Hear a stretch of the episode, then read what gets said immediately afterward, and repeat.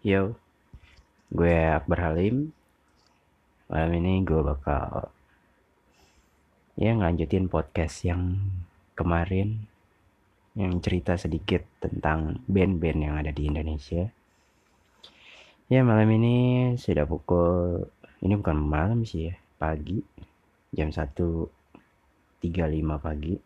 Tepatnya hari Senin 23 November rekaman ini dibuat dan setelah rekaman ini dibuat langsung dirilis. Gak penting tapi nggak apa-apa. Gue cuma pengen ceritain aja. Ya sebelum masuk ke dalam cerita dari band yang pengen gue ceritain hari ini gue pengen disclaimer. Rekaman ini podcast ini tidak untuk mereka yang fanboy dari band yang gue ceritain ini. Ini untuk mereka yang bisa dibilang mungkin ya nggak tahu akan band ini, nggak tahu adanya band ini, atau mungkin pernah mendengar band ini, cuman nggak tahu pernah dengerin lagunya, tapi oh bandnya siapa dia nggak tahu, cuman suka aja. Ya seperti orang-orang yang kurang perhatian terhadap band-band yang ada di Indonesia, yang padahal udah keren-keren banget. Gue di sini pingin kayak mengajak mereka untuk mengenal salah satu band ini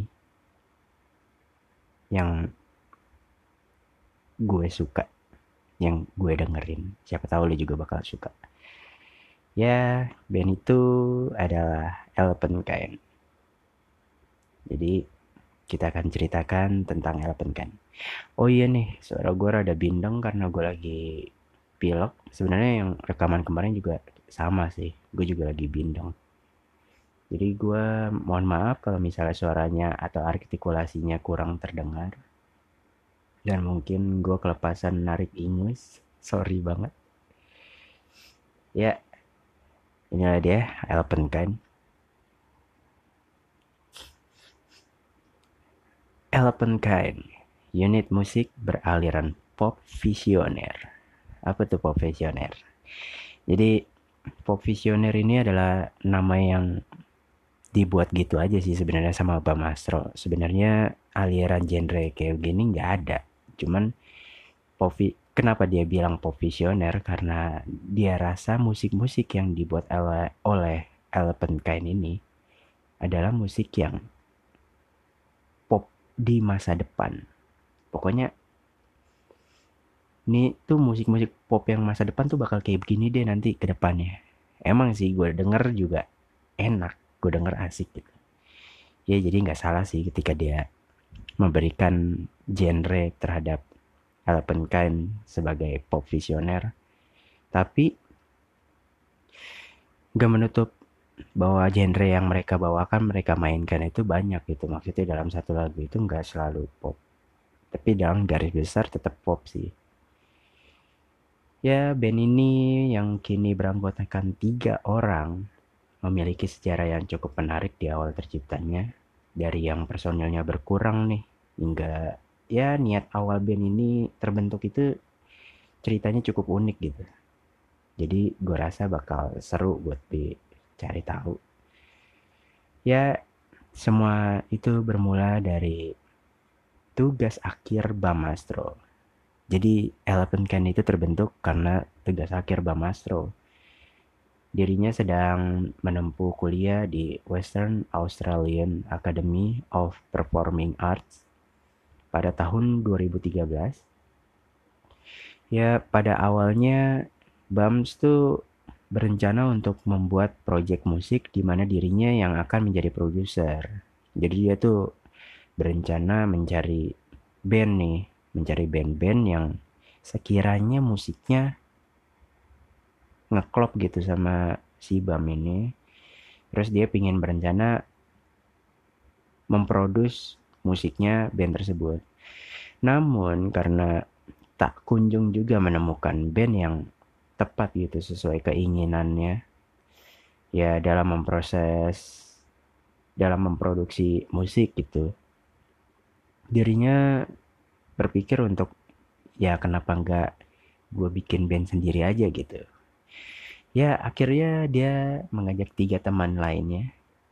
Jadi formasinya tuh saat awal-awal yaitu Bam di vokal, dan gitar. Lalu ada JP Patton atau biasa dipanggil Coki itu adalah gitar bass. Lalu ada Dewa Pratama, dia memegang multi instrumen, gitar dan synthesizer. Lalu ada Bayu Adi Saputra di drum. Ya, Bams menciptakan Elephant Kain dengan niat awal sebagai band yang ingin dirinya produce. Jadi ini tuh kayak band yang dia ciptakan untuk tugas akhir aja gitu, nggak kepikiran untuk mungkin ada kepikiran untuk melanjutin kali ya. Gue juga nggak tahu, cuman ya itulah niatan awalnya Elephant Kain adalah band yang akan diproduksi oleh Bam Mastro untuk tugas akhirnya. Setelah proyek itu berjalan, lalu Bam Mastro juga telah kehabisan visa, telah habis visa di Australia, akhirnya dia kembali ke Indonesia.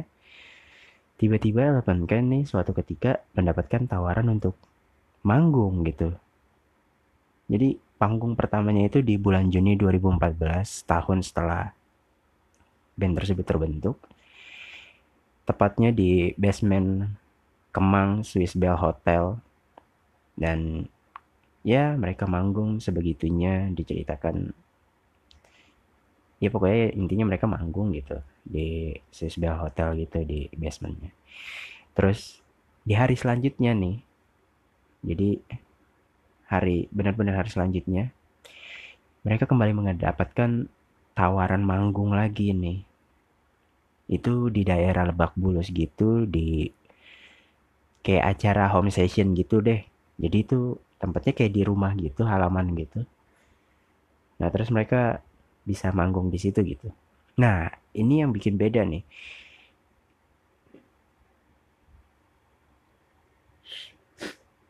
Jadi di panggung ini hype-nya itu dan pride-nya itu gue rasa cukup tinggi gitu. Bukan gue rasa sih tapi Bang Masro mengakui hal ini gitu karena mereka sepanggung dengan band White Shoes and the Couples Company band yang cukup terdengar namanya sangat nyanter ya di skena musik indie terus di tempat tersebut juga dihadiri oleh promotor-promotor musik. Nah, ini nih yang promotor-promotor musik ini nih. Yang kalau misalnya lu punya band terus lu manggung dan ada beberapa promotor musik yang nonton, itu tuh kayak sebuah tiket emas tahu nggak? Kayak kayak kunci gitu kalau buat band-band gitu lah ya. Ibaratnya tuh kayak ya lu bisa dapet promote gratis gitulah ibaratnya kayak ke ke ya jalan terkenal gitulah secara ya nggak instan juga sih cuman lebih gampang aja.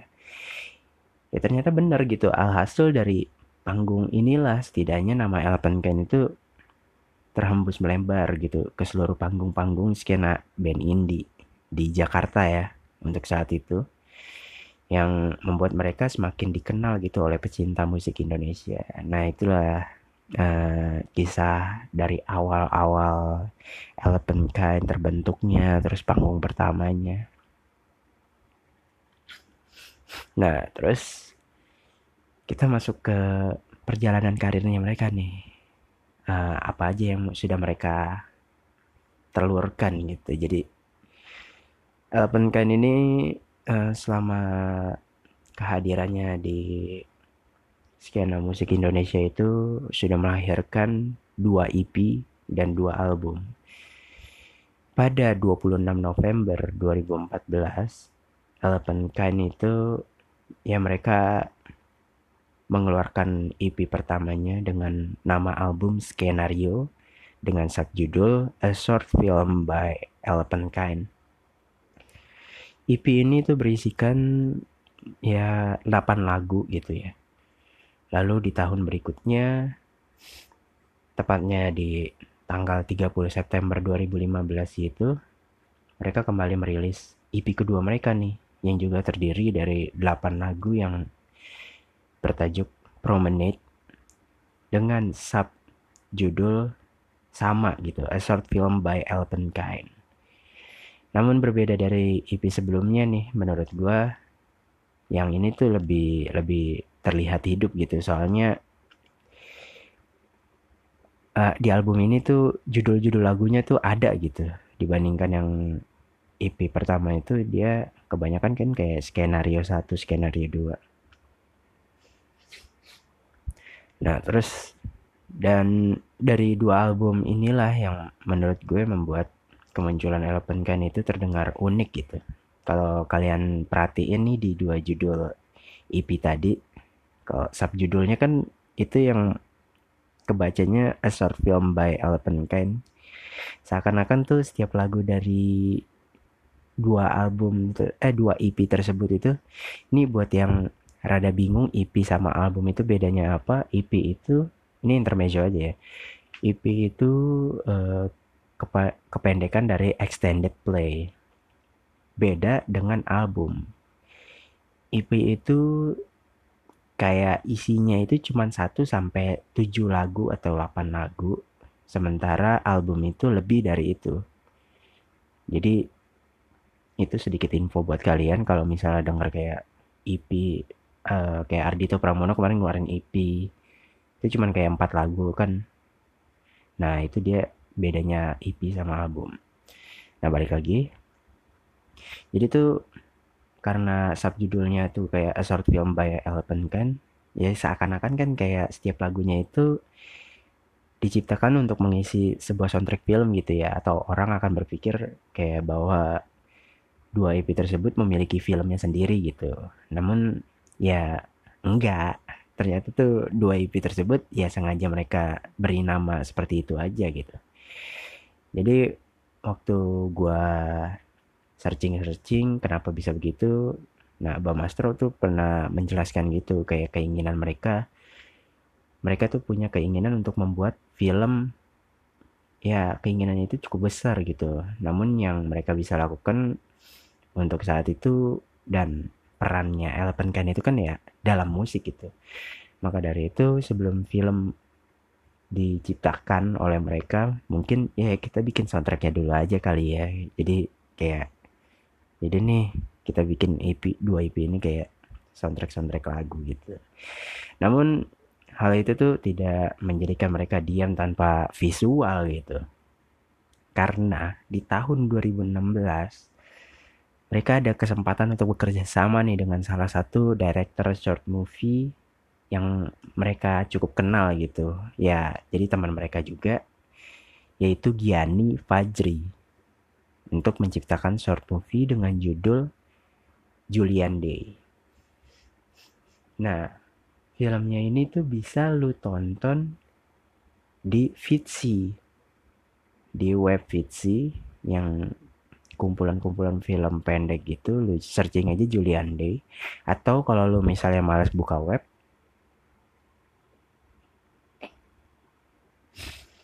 lu bisa tonton film pendek Julian Day itu di YouTube. Film ini tuh kayak berdurasi 13 menit. Ini dia yang film yang menurut gue juga unik. Gue tuh orang yang suka eh, sesuatu hal yang punya makna tersirat gitu. Dan film ini tuh memiliki hal tersebut gitu. Jadi gue gue bisa kayak merekomendasiin ini film bagus gitu kan. Short movie Julian Day berdurasi 13 menit. Bisa lo tonton di YouTube-nya. Ya. Dan selanjutnya di tahun masih di tahun yang sama nih 2016 tepatnya pada tanggal 13 September mereka merilis album perdana mereka bertajuk CTJ beberapa ya di dalam materi lagu-lagu itu tuh ya kurang lebih dari EP pertama sama kedua itu ada gitu di dalam album CTJ ini. Dengan ya bisa gue bilang dengan hentakan yang sangat seru gitu kalau pertama kali lu dengerin Elephant Kind di album-album CTJ itu beatnya cukup naik ya. Nah ini berbeda dari album selanjutnya nih. Jadi setelah di 2016 mereka mengeluarkan album, selanjutnya yang paling baru-baru ini mereka mengeluarkan The Greatest Ever yang semua materi lagunya tuh ini tuh benar-benar fresh benar-benar baru dari Elephant Kain jadi nggak ada dari EP EP sebelumnya. Kayaknya sih ya dari yang gue lihat yang gue perhatiin tuh kayaknya nggak ada. Jadi fresh benar-benar fresh. Yang gue ang yang bisa gue anggap tuh album ini tuh kayak album yang terdengar lebih dewasa gitu. Soalnya ya kayak tadi gue bilang si TJ itu lagu yang kayak lagu-lagu happy ending gitu. Lagu-lagu happy ending. Nah tapi di The Greatest Ever ini lagu sedih di tengah film ngerti nggak sih lo kayak lagu-lagu galau lagu gloomy yang gua gua tangkap sih ya dari yang gua dengar auranya The Greatest Ever itu seperti itu soalnya emang kurang lebih Greatest Ever ini kayak membicarakan hubungan antara pasangan gitu. Beda sama si TJ. Si TJ itu dia lebih menggambarkan hubungan juga, cuma lebih universal. Ada yang mungkin musiknya hubungan antara lu dengan al alam semesta, ada yang dengan uh, pasangan lu. Ya pokoknya lebih bervariasi. Kalau lu dengerin satu-satu tuh bedanya si TJ apa? Lagu-lagu di si TJ bisa deh pokoknya lo dengerin. Ada di Spotify. Nah gue berpikir kayak The Greatest Ever itu lebih terdengar dewasa. Itu bukan karena cover albumnya ya. Soalnya kalau cover albumnya dari The Greatest Ever ini itu covernya itu gambar kondom gitu bungkus kondom.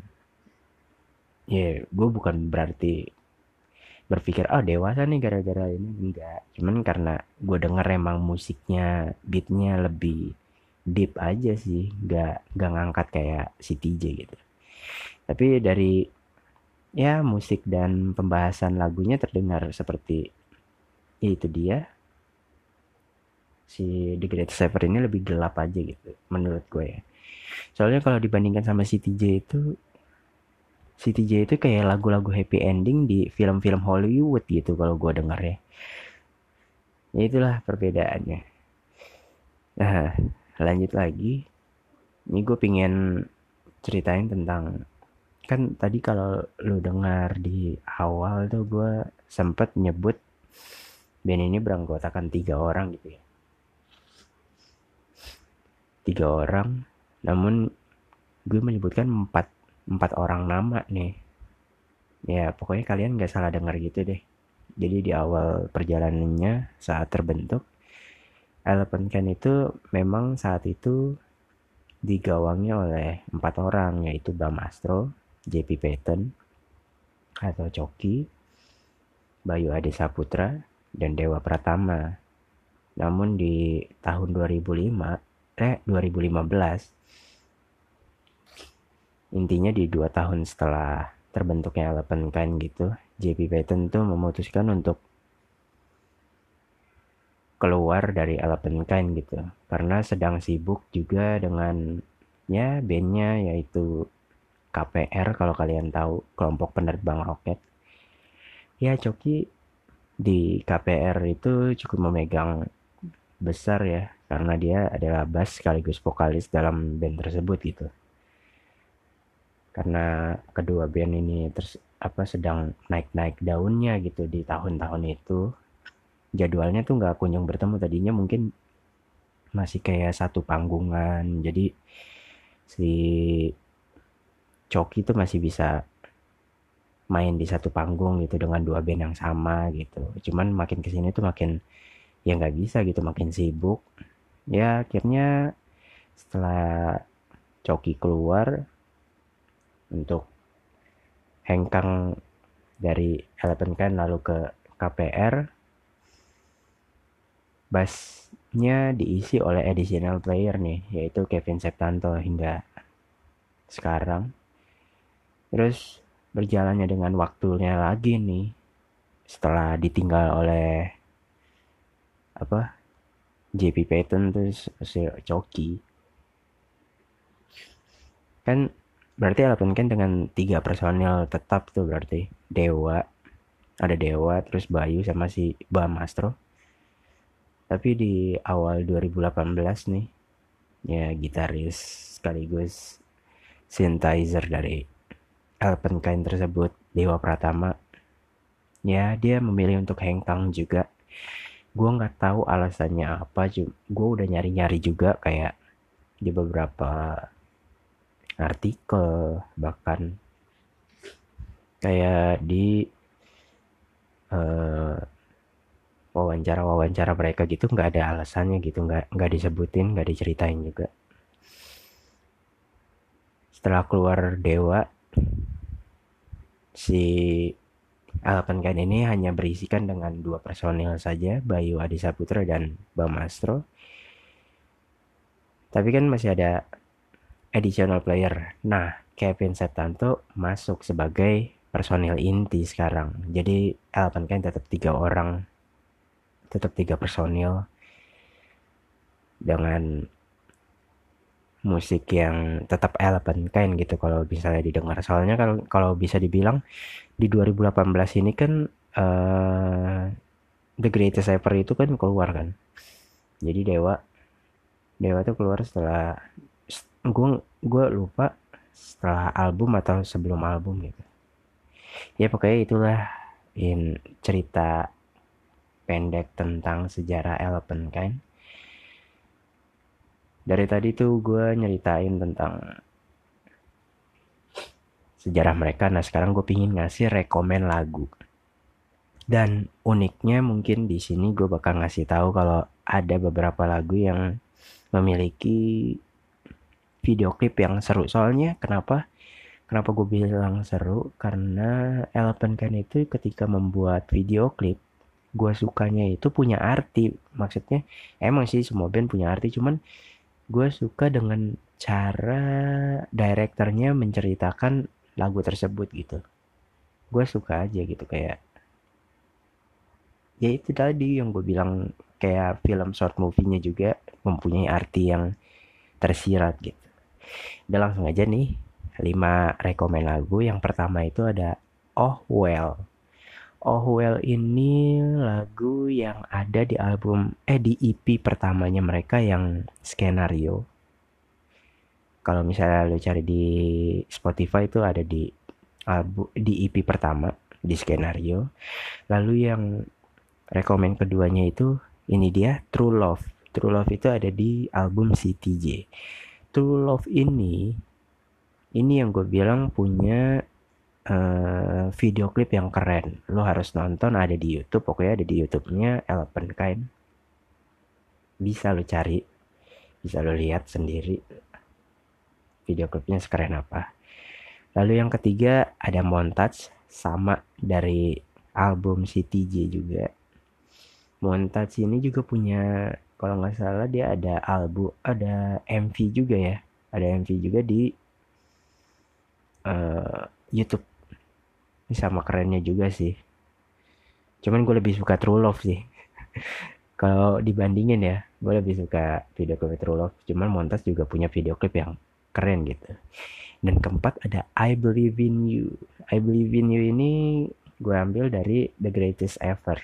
Album terakhirnya album terbarunya si Elephant Kind gitu ya I Believe in You ini juga punya video klip video klip yang sangat menurut gue menguras menguras perasaan ya karena isinya tuh kayak nangis gitu. Kayak soalnya kalau bisa dibilang I Believe in You itu menceritakan kayak kedewasaan sebuah hubungan yang di mana lo nggak bisa ngelanjutinnya bareng-bareng lagi. Jadi uh, kita kayak intinya lo udah tumbuh bareng-bareng kita udah tumbuh dewasa uh, kayaknya kita bisa jalan sendiri-sendiri deh kayak gitu deh intinya. Ya nggak tahu deh kalau lo dengerin sendiri interpretasi lo terhadap lagu itu apa ya itu terserah lo pokoknya itu yang gue tangkap.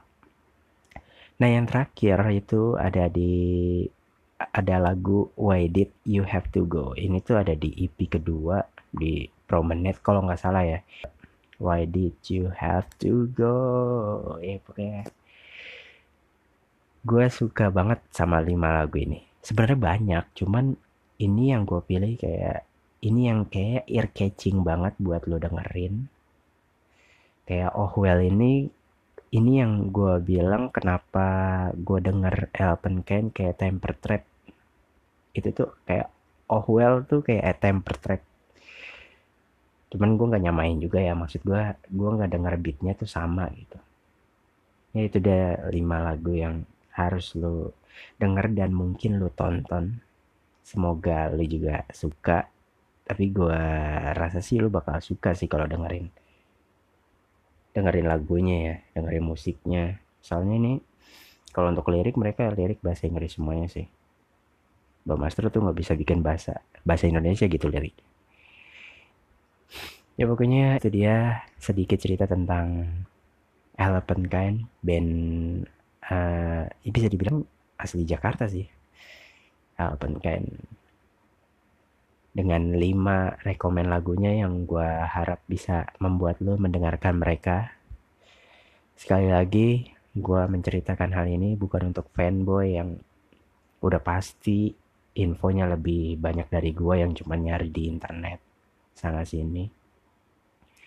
Ini tuh untuk mereka yang mungkin pernah mendengarkan musiknya tapi nggak tahu bandnya atau mungkin pernah tahu bandnya tapi karena nggak tahu sejarahnya jadi saja gitu. Ya semoga bisa menambah informasi kalian tentang skena musik di Indonesia khususnya nggak indie nggak indie juga sih maksud gue skena musik Indonesia.